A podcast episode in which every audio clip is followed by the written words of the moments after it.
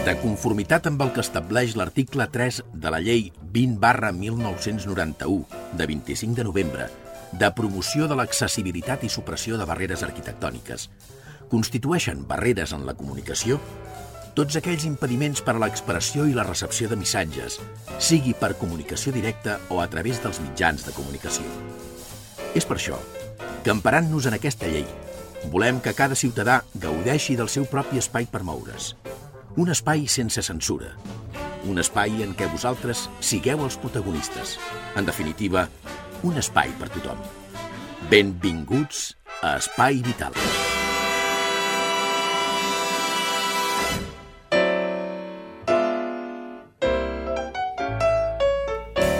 Senyores i senyors, i senyoretes, i senyorilles, i... Hola, Teresa! Hola, bon dia a tothom. Bon dia, Jordi Puy. Bon dia, que el Jordi Puy no pot dir res, perquè està darrere de la peixera. És el nostre tècnic. I un servidor, Xavi Casas, que hem tornat de vacances amb unes ganes, De treballar. però molt, molt, eh? Sí, sí. Ja sabeu que l'Espai Vital, cada cop que comencem nova temporada, per nosaltres és una nova vida. I tant. I així la comencem, amb el so nou també de les sintonies, caretes, ràfegues, amb tot. Ens hem reformat totalment. I a més, avui, en un programa, podíem dir, pràcticament monogràfic. No sé si us en recordeu, al finals de la temporada passada, jo us deia, hi ha una malaltia que es diu eh, sensibilitat química múltiple. Vam parlar amb el marit de la Eva Cavaller, que és la malalta de sensibilitat química múltiple. Doncs molt bé. Després de parlar amb el David, vam decidir agafar el llibre que Eva Cavaller havia escrit des del seu llit i transformar-lo en capítols. Doncs molt bé, ho vam fer. Els vam transformar de 9 capítols en vam fer 21. Vostès diran, oh, no, no, 21? Perquè fossin curtets, perquè vostès poguessin escoltar molt millor cada una de les narracions d'aquests capítols. Doncs molt bé, la Lluïsa Blanca és eh, una de les membres de el teatre, grup de teatre de l'Ateneu i va cedir la seva veu per narrar tot allò que la Eva Cavaller volia dir en aquest llibre. Doncs avui us, us eh, emetrem el primer dels capítols de Desaparecida. I aquesta és la promo. La fuerza de su carácter le hizo soportar todo aquello y nos sirvió de ejemplo a los demás para hacerlo también. Por fin tenían un arma para criticarme, ya que no podía ser por mi trabajo, fue otra vez por mi salud. Muy típico en este país. Luego estos solos que van de sensibles por la vida, llorando si ven un perrito abandonado en la carretera. Desaparecida. Un libro sobre la sensibilidad química múltiple. Pocas personas están dispuestas a hacer cambios en su vida para poder seguir siendo parte de la tuya. Desaparecida. L'octubre a l'Espai Vital.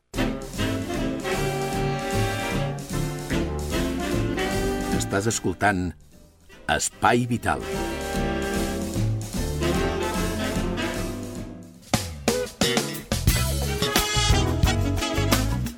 Doncs ja ho veuen, ja ho saben, aquesta era la promo de Desaparecida, un llibre escrit per Eva Cavaller des del seu llit i amb una malaltia molt concreta. Ella s'ofega per pràcticament tot. Eh, el seu marit es diu David Palma i cuida de la seva dona que és malalta de sensibilitat química múltiple. Parlem amb el David. David Palma, hola. Hola, bon dia. Hola, bon dia, David. Eh, hem, fet, hem fet una sèrie de capítols que tu personalment ja, ja els has pogut escoltar. Són capítols que van eh, dedicats a, a la Eva Cavaller, en, en el que ella explica exactament què és el que explica, David.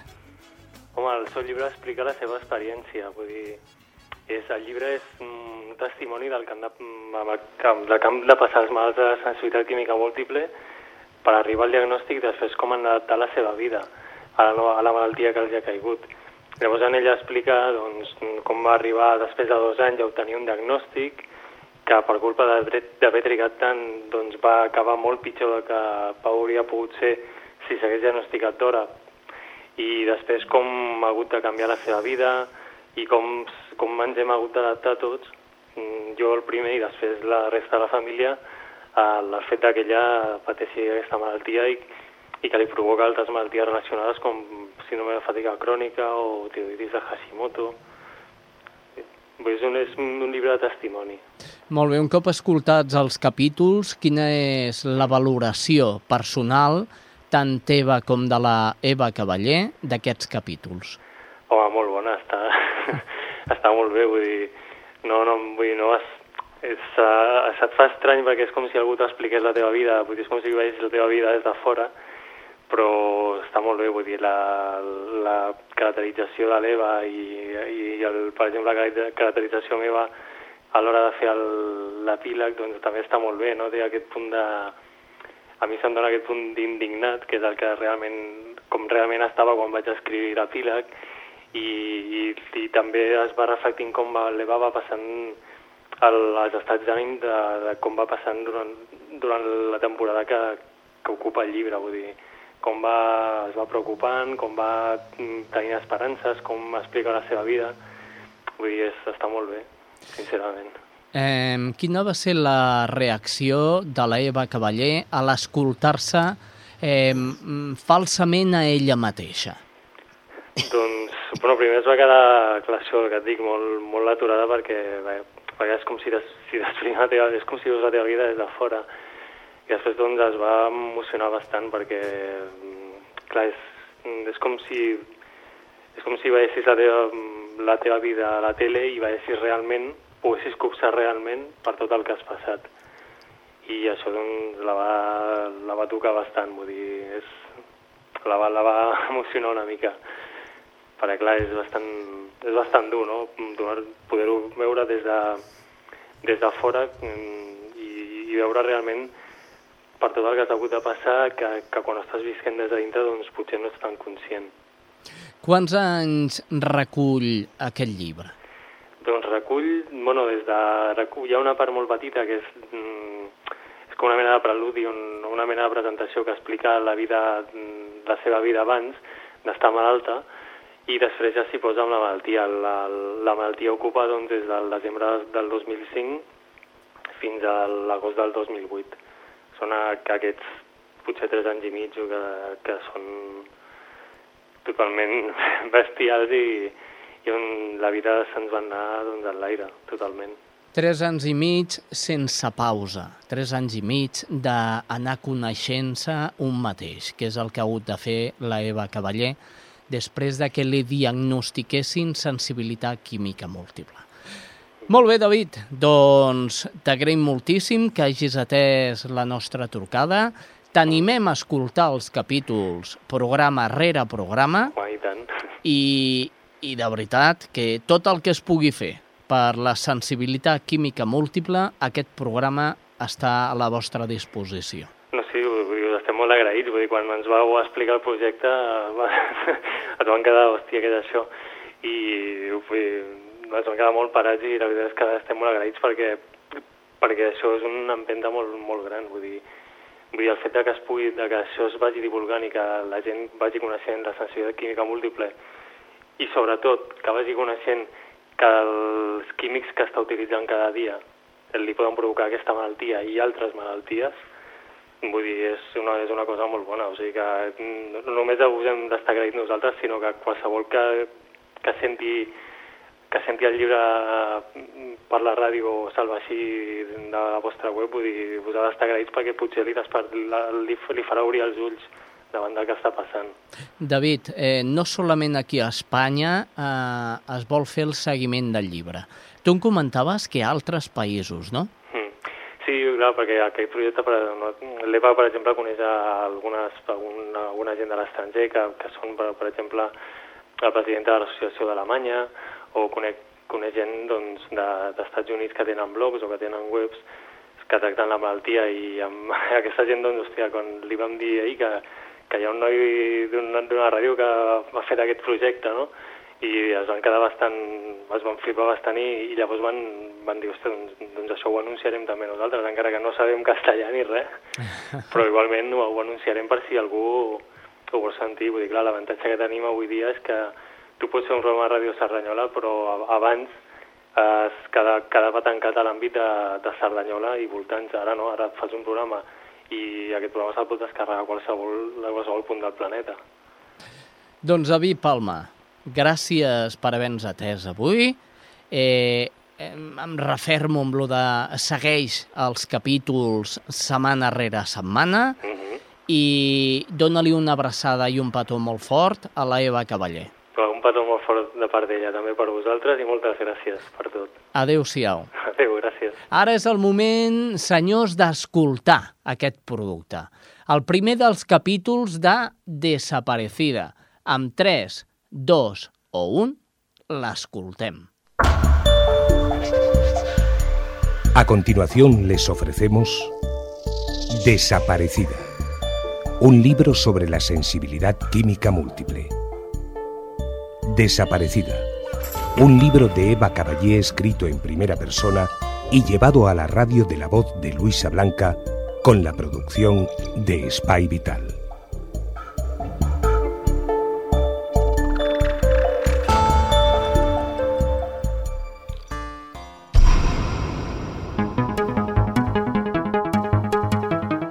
Estoy sentada en el patio de la escuela jugando sola cuando una chica se me acerca para decirme que llevo los zapatos en el pie que no toca. La miro fijamente sin saber ya qué contestar.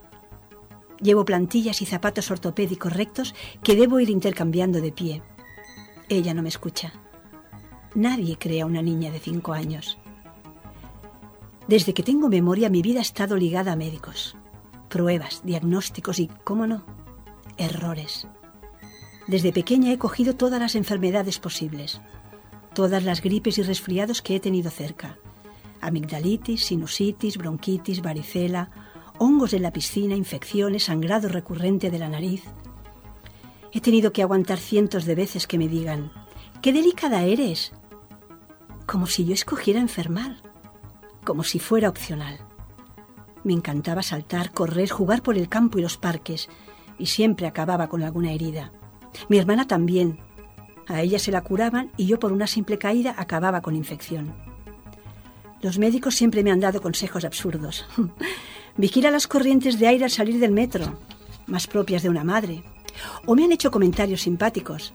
Eres tan flexible que podrías trabajar en el circo. Nunca han pensado que todo esto no era gratuito. Una obra de teatro. Estaba emocionada. Me fascina actuar. Nos maquillan, salimos y a los cinco minutos noté que la cara me picaba y me quemaba. Estaba totalmente deformada, hinchada. No podía ni ver. Llamaron a mi madre y me llevaron a urgencias. Una reacción alérgica al maquillaje. Me encantaba bailar, me apasionaba. Iba a clases y luego en casa montaba coreografías y obligaba a mi hermana a participar. Pero a los 12 años empezó lo que luego sería la tónica reinante a lo largo de mi vida la primera de una larga lista de prohibiciones que fueron limitando mi existencia hasta dejarme en la prisión que es ahora mi vida.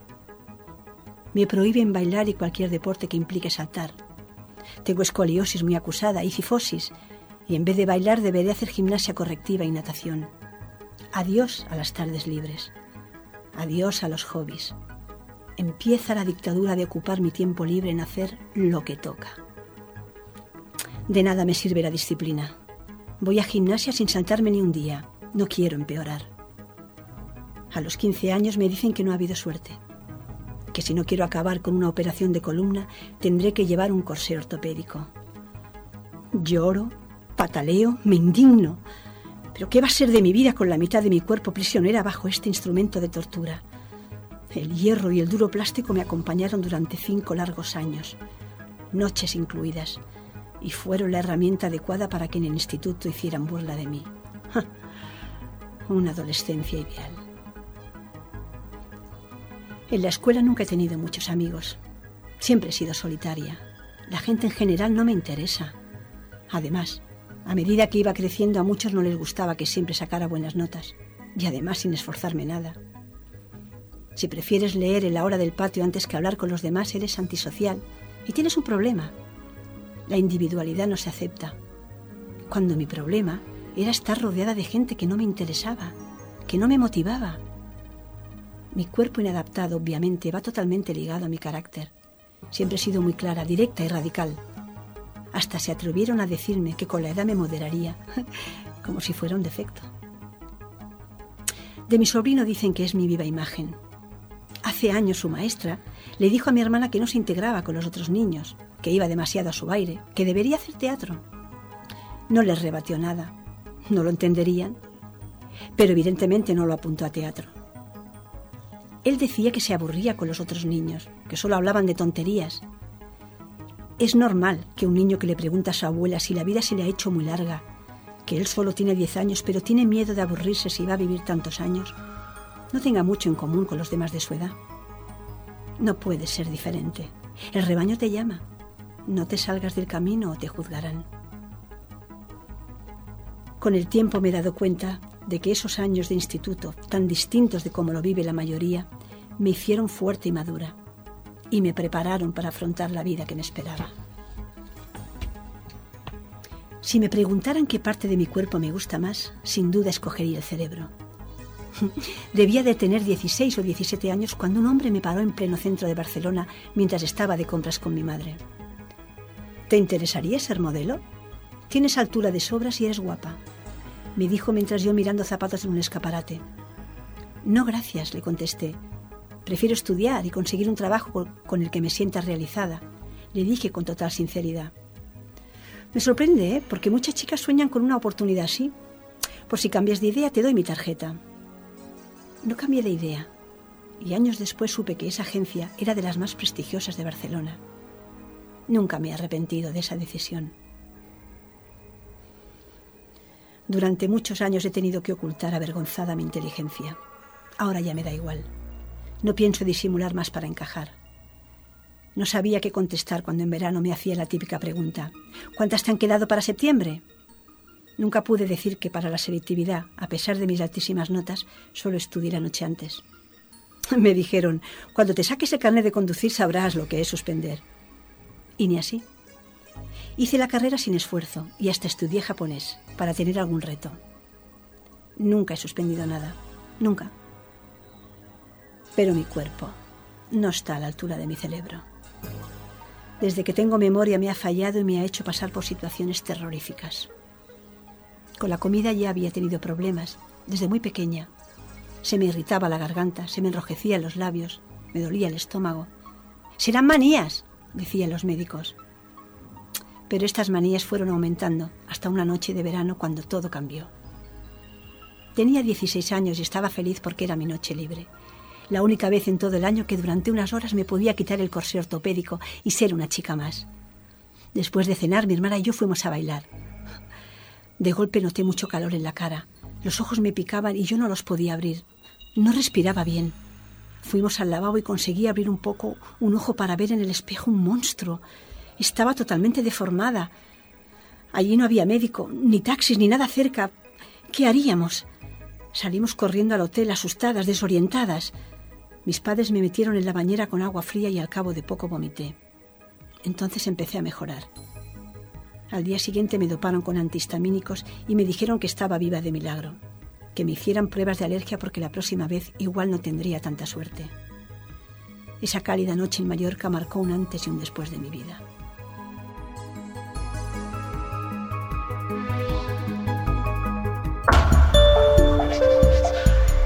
Y hasta aquí, Desaparecida. Un libro sobre la sensibilidad química múltiple. Desaparecida.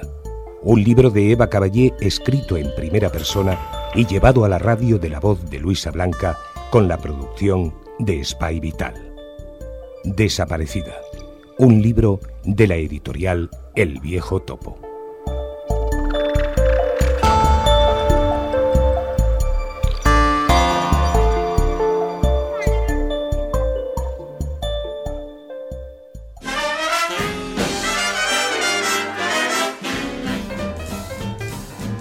Molt bé, arriba el moment de la roda informativa, una roda informativa que, com veieu, també és fresca. Al igual que el programa és fresc, la roda informativa És fresc. és fresca, noves sintonies. Molt bé, veiem si està fresca la Mònica González de Cerdanyola Ràdio. Molt bon dia, Xavi, des de Cerdanyola Ràdio. L'escriptor sardanyolenc Raúl Córdoba ha presentat el seu llibre La brújula del cuidador, que reivindica el paper del curador. Tenir cura d'una persona malalta és, a l'entendre'n de Raúl Córdoba, tot un art. Socialment focalitzem sempre la nostra atenció en la persona que necessita atenció, deixant en segon terme la persona que té cura de l'altra.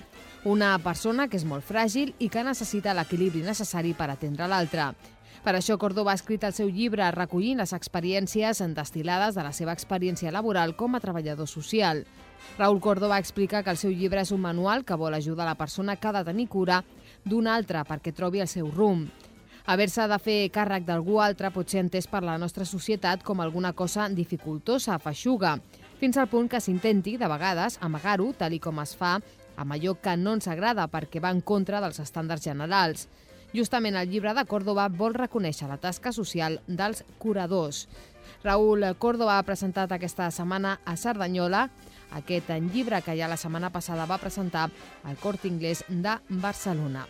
I això és tot des de Cerdanyola Ràdio. Salutacions Espai Vital. Gràcies, Mònica González. Sí, ja t'hem vist fresca, com el programa nou. Veiem si fresca també està la nostra companya, la Reme Herrera, des de Ripollet Ràdio. Salutacions des de Ripollet Ràdio. El nou centre d'atenció primària de Ripollet va ser inaugurat oficialment el passat dijous, 30 de setembre, per la consellera de Salut Marina Geli, acompanyada de l'alcalde Juan Parralejo, així com de diversos regidors i un bon nombre de personal directiu i sanitari del centre. El CAP Pinatons, ubicat a l'Avinguda de Catalunya, entrarà en funcionament el proper 18 d'octubre i podrà atendre fins a 16.000 usuaris. El seu cost de construcció ha estat de 3,4 milions d'euros, avançat per l'Ajuntament a través d'un conveni amb el Departament de Salut. El CAP Pinatons comptarà amb un equip humà de 32 persones, set d'elles compartides amb el CAP 1 de Ripollet. A aquests dos centres se suma el CAP Farigola, inaugurat l'any passat i que té unes 6.000 persones del barri de Cantiana, Pombell. El nou equipament compta amb 1.376 metres quadrats de superfície i ofereix serveis de medicina de família, atenció odontològica, atenció d'infermeria, immediata, extraccions, educació sanitària i salut comunitària i disposa més de consultes polivalents per oferir serveis d'atenció a la salut sexual i reproductiva. El proper divendres 8 d'octubre es farà una jornada de portes obertes de 10 a 1. I això és tot per avui, fins la setmana vinent. Molt bé, el nou cap Pinatons, un cap Pinatons, el qual eh, ens hi han inclòs a més d'un de nosaltres. Ens queda molt lluny, eh? Jo sí. Jo no sé com nassos, jo no sé com nassos han dividit a la gent per enviar-los cap aquí o cap allà. Bé, ja ens informarem. No, no, i tant, perquè a mi no m'han dit res encara, però la gent em diuen que em toca allà dalt. Ara Sí. digues tu, a les 7 del matí on t'haig d'anar cap allà dalt jo. Bueno, Amb el fred que fa o la calor. com tu em sembla que la Moncloa de Ripollet també es queixarà, perquè allà sempre ho teníem més a prop, aquí al Sí. centre. Molt bé, eh, vist, escoltat això eh, de veu de la Reme Herrera, anem ràpidament cap a Montcada. A Montcada aquesta sí que deu estar fresca perquè és un lloc més fresquet, Montcada, eh? Hi ha bastant humitat. Allà. Oi que sí? sí? Doncs sapiguem què diu la Sílvia Díaz. Hola, salutacions de nou des de Montcada, l'Espai Vital.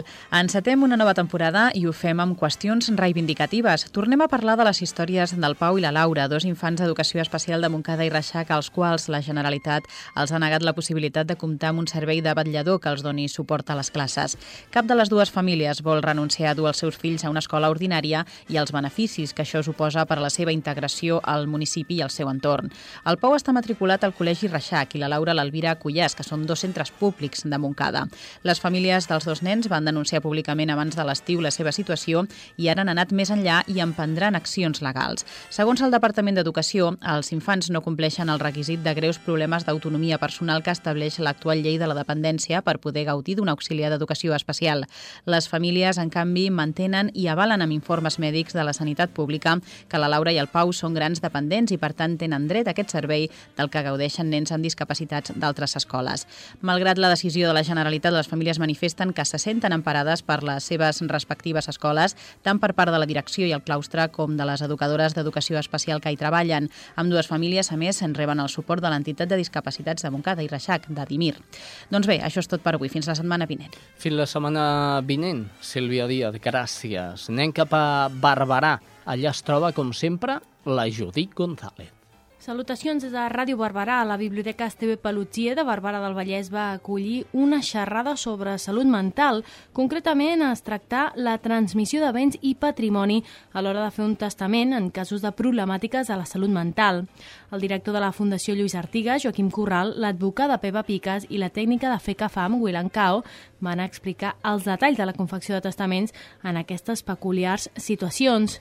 Precisament, Joaquim Corral explicava als micròfons de Ràdio Barberà la necessitat d'aclarir aquestes situacions a les famílies que es troben en situacions semblants. Podem parlar amb veu alta i podem parlar dels drets que tenen eh, les persones amb altia mental o qualsevol altra discapacitat psíquica com a eh, ciutadans que són i titulars de drets, per tant, no?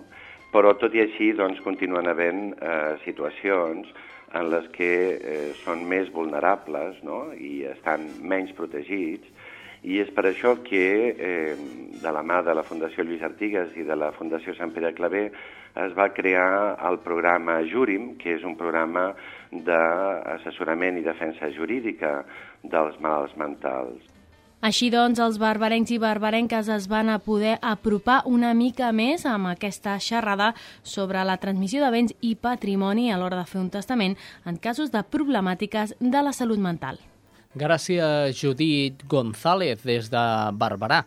Anem corrents, corrents, corrents, i dic corrents perquè queda una mica més lluny, és Santa Perpètua de la Moguda. Com sempre, la nostra estimada Estrella Núñez ens acosta la informació d'aquesta població. Hola Xavi i companys de l'Espai Vital. És sabut que el mes d'octubre comença la programació de la majoria d'equipaments. A Santa Perpètua de Mogoda s'inicia la programació de la xarxa de centres cívics que inclou una activitat adreçada específicament a persones discapacitades. Ja fa sis anys que la Regidoria de Relacions Ciutadanes organitza un taller de teatre per a discapacitats que s'ofereix al Centre Cívic de Can Folguera. És una activitat subvencionada al 100% per l'Ajuntament de Santa Perpètua. L'objectiu del taller, que compta amb una monitora especialitzada, és oferir a les persones discapacitades discapacitades la possibilitat de treballar l'expressió corporal mitjançant tècniques de teatre i d'una manera lúdica i divertida. Cada dijous a la tarda, de dos quarts de sis a dos quarts de set de la tarda, els participants de l'activitat treballen diferents aspectes al temps que s'entretenen i a final de curs, a més, els familiars poden veure els seus progressos, ja que s'organitza una festa on posen en escena una petita representació. La mitjana de participants és d'unes 8 persones, alguns d'ells ja podem dir veterans perquè des que es va posar en marxa aquesta activitat repeteixen experiències experiència, però cada any s'afegeixen de nous. El taller ha començat aquesta setmana i finalitzarà pels vols de Sant Joan. Ja us avisarem quan facin la festa de final de curs per si us ve de gust anar a veure els progressos dels participants i a gaudir amb la petita obra de teatre que prepararan.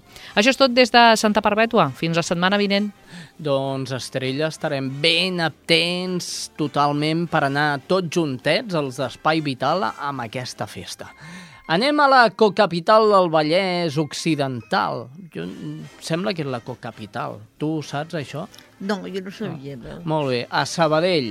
Anem cap a Ràdio Sabadell. Allà està la Núria Garcia. Salutacions des de Ràdio Sabadell. L'Institut Català de Paleontologia portarà el nom de Miquel Cruzafont, un dels principals investigadors en la matèria. Aquesta és la gran notícia que el director general de recerca del Departament d'Innovació va donar durant la inauguració del centre. El canvi de cara del museu també es pot veure en com s'ha enfocat la nova exposició, molt més interactiva i pensada perquè els mateixos visitants puguin fer de paleontòlegs per un dia, tot plegat amb la intenció de divulgar al màxim la recerca de la mà del projecte Avui investigues tu. Per això es posa a l'abast del visitant tècniques audiovisuals que permeten divulgar què vol dir això de fer recerca. Per exemple, a través d'un comandament d'una consola es pot accedir a la Catalunya de l'època dels dinosaures i passejar entre aquests grans animals. Més enllà d'aquest nou projecte, el Cruzafont també presenta canvis que es veuen a simple vista. Ja no hi ha l'esquelet del Triceratops que presidia les instal·lacions. Ara, però, en el seu lloc hi ha un titanosaure, unes restes que han estat restaurades per donar-li la màxima vistositat i que el visitant, si vol, pot tocar, ja que no és un simple esquelet. A més, també s'ha fet una important tasca al magatzem que s'ha adequat perquè pugui contenir moltes més restes i que aquestes puguin estar classificades realitzades d'una manera més intuïtiva pels seus treballadors. Això és Espai Vital.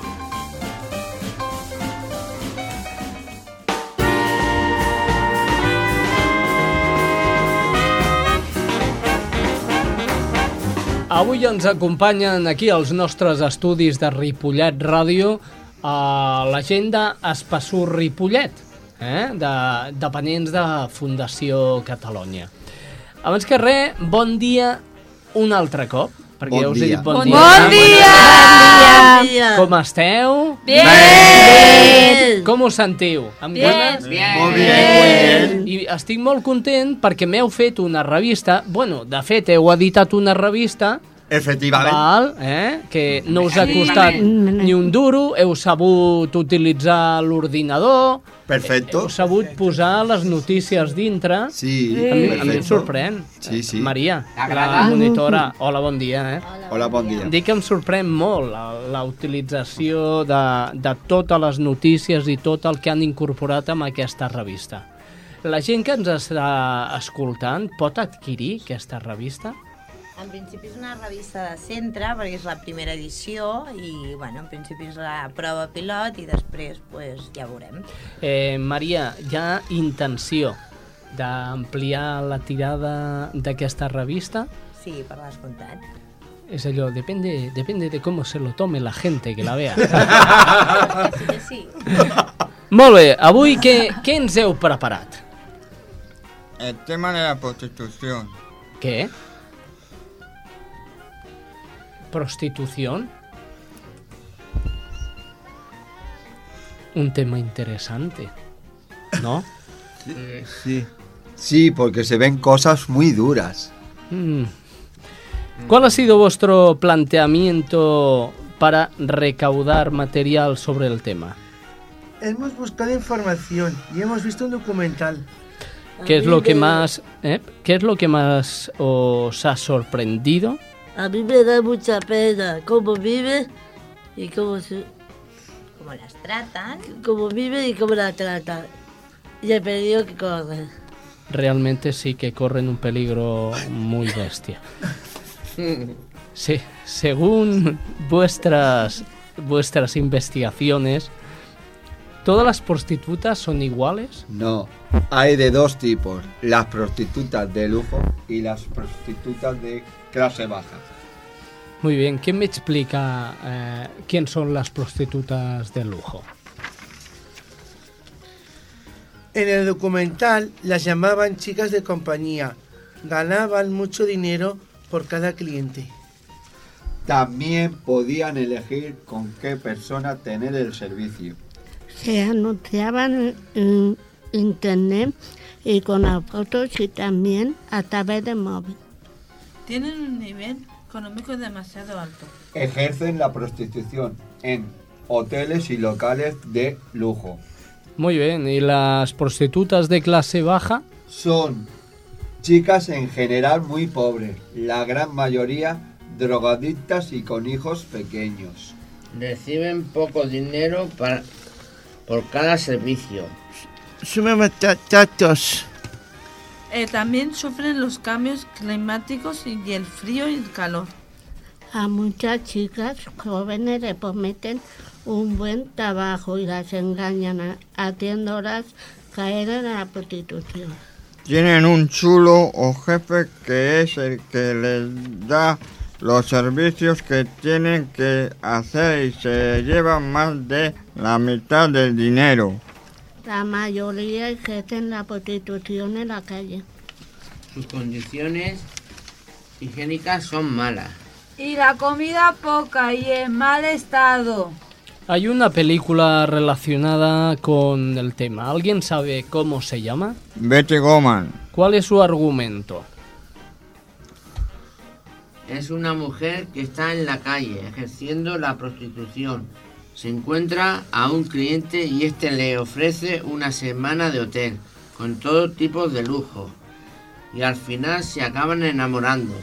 ¿Creéis que esto sucede en la vida real? ¿En la película puede pasar en la vida real? Sí, de un cliente se puede enamorar. El amor es así. Después de haber indagado sobre el tema. ¿Qué información nueva habéis adquirido? Yo no sabía que existían las prostitutas de lujo. Yo tampoco sabía que las prostitutas de la calle pudieran sufrir tanto. Y el poco dinero que va destinados a ellas. Y se queda el chulo. Y lo complicado que es salir de la prostitución. A partir de ahora, cuando veáis una prostituta, ¿la miraréis de diferente manera? Yo sí, porque ahora tengo información de las vidas que pueden llegar a tener y me provocan pena.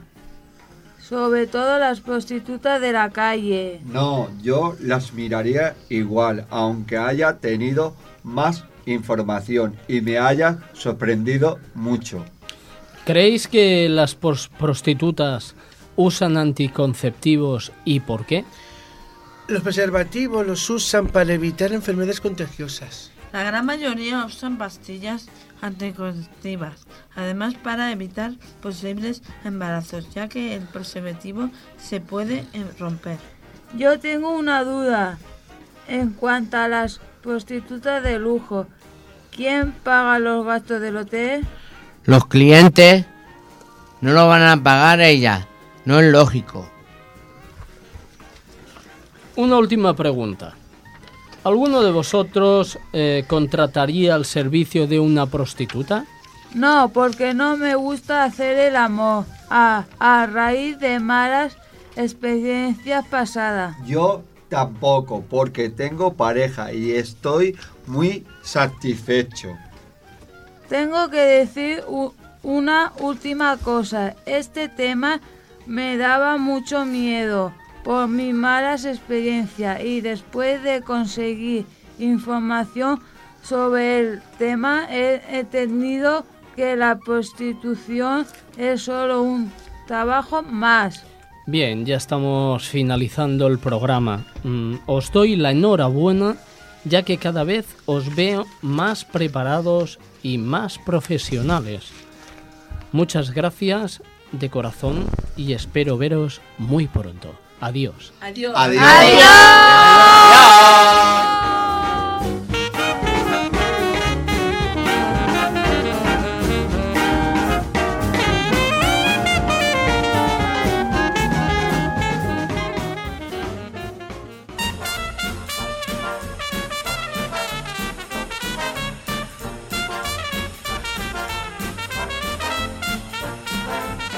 Espai vital.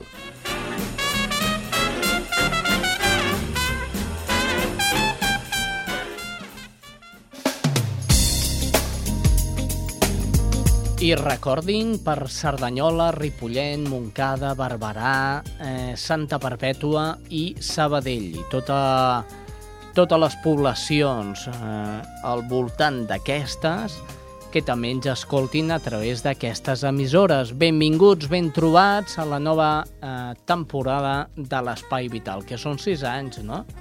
O cinc, jo que sé ja. Sis anys, mare Sis meva. anys, ja. Oi, Déu meu, Déu Ja meu. som vells. Ja, això no pot ser. Per cert, Teresa, què ens faràs avui?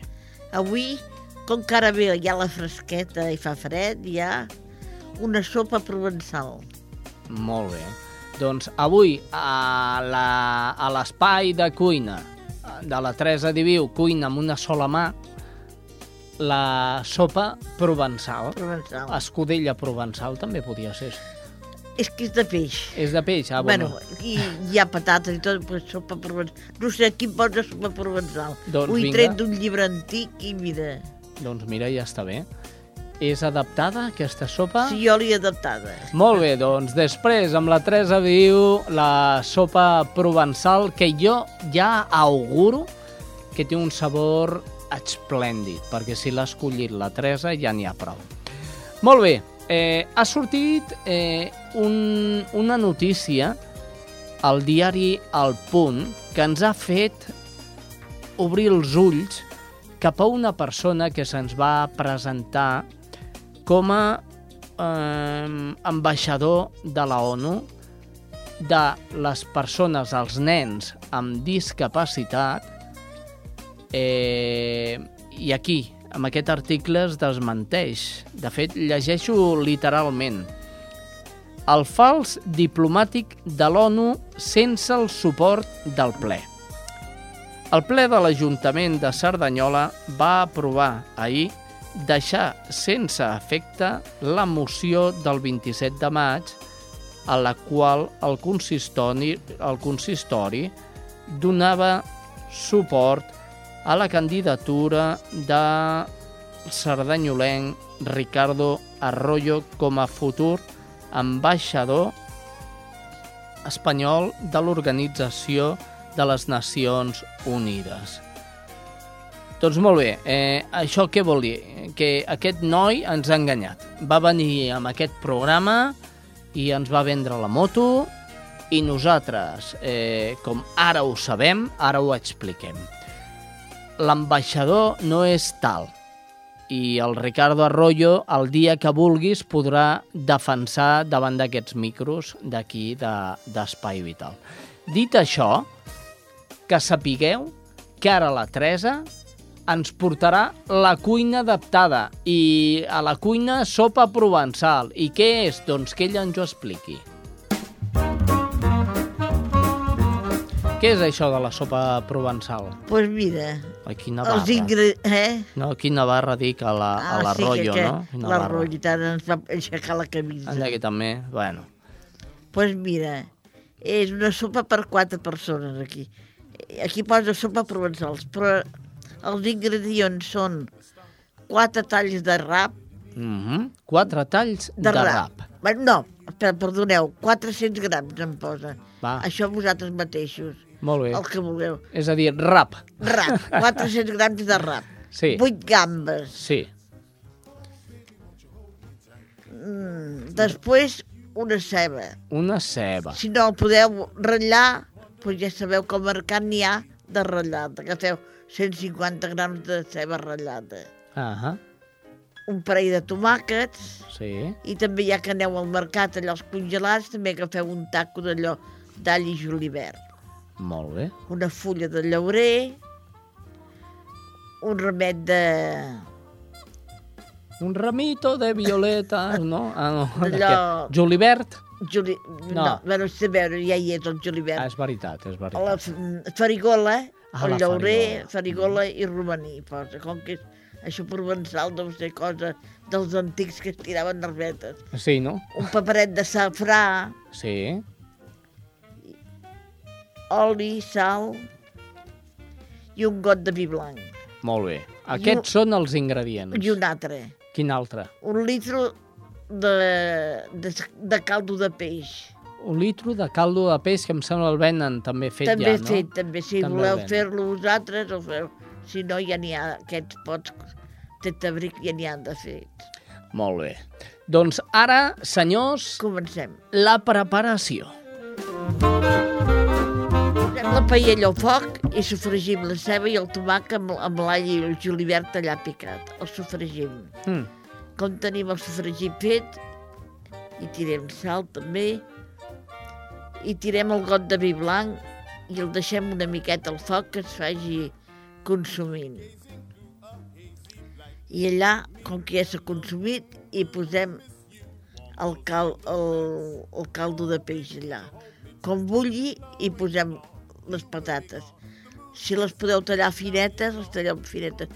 Si no, en els congelats també en trobareu d'aquestes tallades finetes. Molt bé. Els hi poseu allà. Els deixeu bullir pues, 10 minuts, quan hagin passat 10 minuts, i tireu el peix. Poseu el peix allà, tant el, el rap com les gambes les poseu allà. Deixeu bullir dos o tres minuts i ja ho podeu apagar. Ho traieu, les herbes les traieu. El ramellet aquell de... D'allà- D'herba les traieu. Ahà. Traieu el rap i les gambes. Mm -hmm. I aquelles patates que ho, ho, cut, ho cuigut allà ben cuites, Sí. pues hi poseu el, el mini pimer i així feu com un puré queda com un, com un puré queda. Ahà. I, i l'acompanyeu amb el peix que hi ha bullit a dintre i és un pla, plat sa, que tant per dinar com per sopar pues serveix. Molt bé, jo sé un embarbussament amb el plat. Plat, un plat pla, ple, pla, ple de pebre negre està. Eh? Sí. Uh, digue'l, digue'l. Un plat ple de pebre negre està. Un plat pla, ple, ple... Ple de ne- sí. Eh? Ta, bueno, plat ja ho direm. és igual, ja ho direm ja ho demà. direm. Tant tu com jo em sembla que la boca ja la tenim ja. Eh, no, no, no estem com per, com per fer embarbussaments. Uh. Molt bé, Teresa. Doncs ja està. Ja has sentit eh, l'episodi de Desaparecida. Recordeu, cada setmana tindrem Escoltant. un capítol de Desaparecida. No patiu. Eh, us sentit el primer, us ha agradat a tots, doncs el segon encara serà millor. Senyors, el Jordi Puy al control tècnic, la Teresa Diviu a la cuina adaptada i avui un servidor, Xavi Casas. La setmana vinent hi tornem. No ens falteu.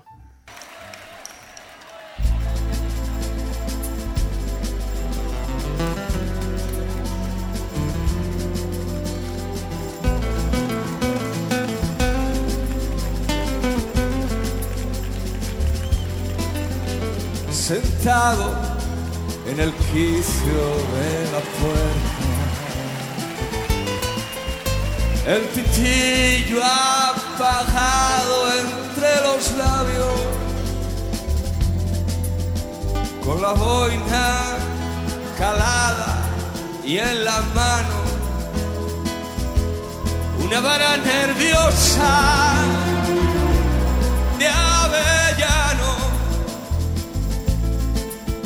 que recuerda su frente limpia y clara. Quizá la primavera deshojada, el olor de la pólvora mojada, o el sabor del carbón mientras picaba. El abuelo fue picador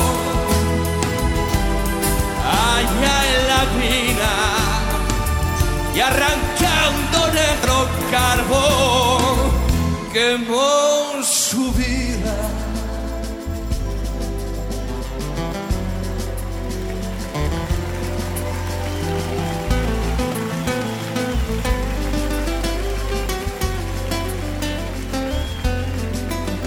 Se ha sentado el abuelo en la escalera a esperar el tibio sol de madrugada. La mirada clavada en la montaña es su amiga más fiel.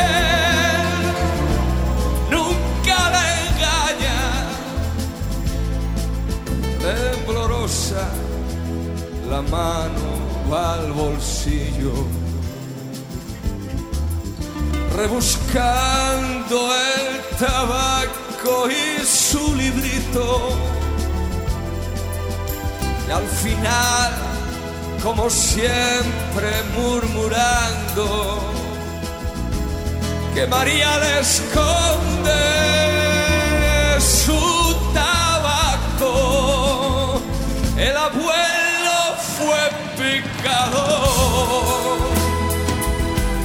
Allá en la mina y arrancando negro carbón quemó su vida. El abuelo fue picador allá en la mina y arrancando negro carbón quemó su vida.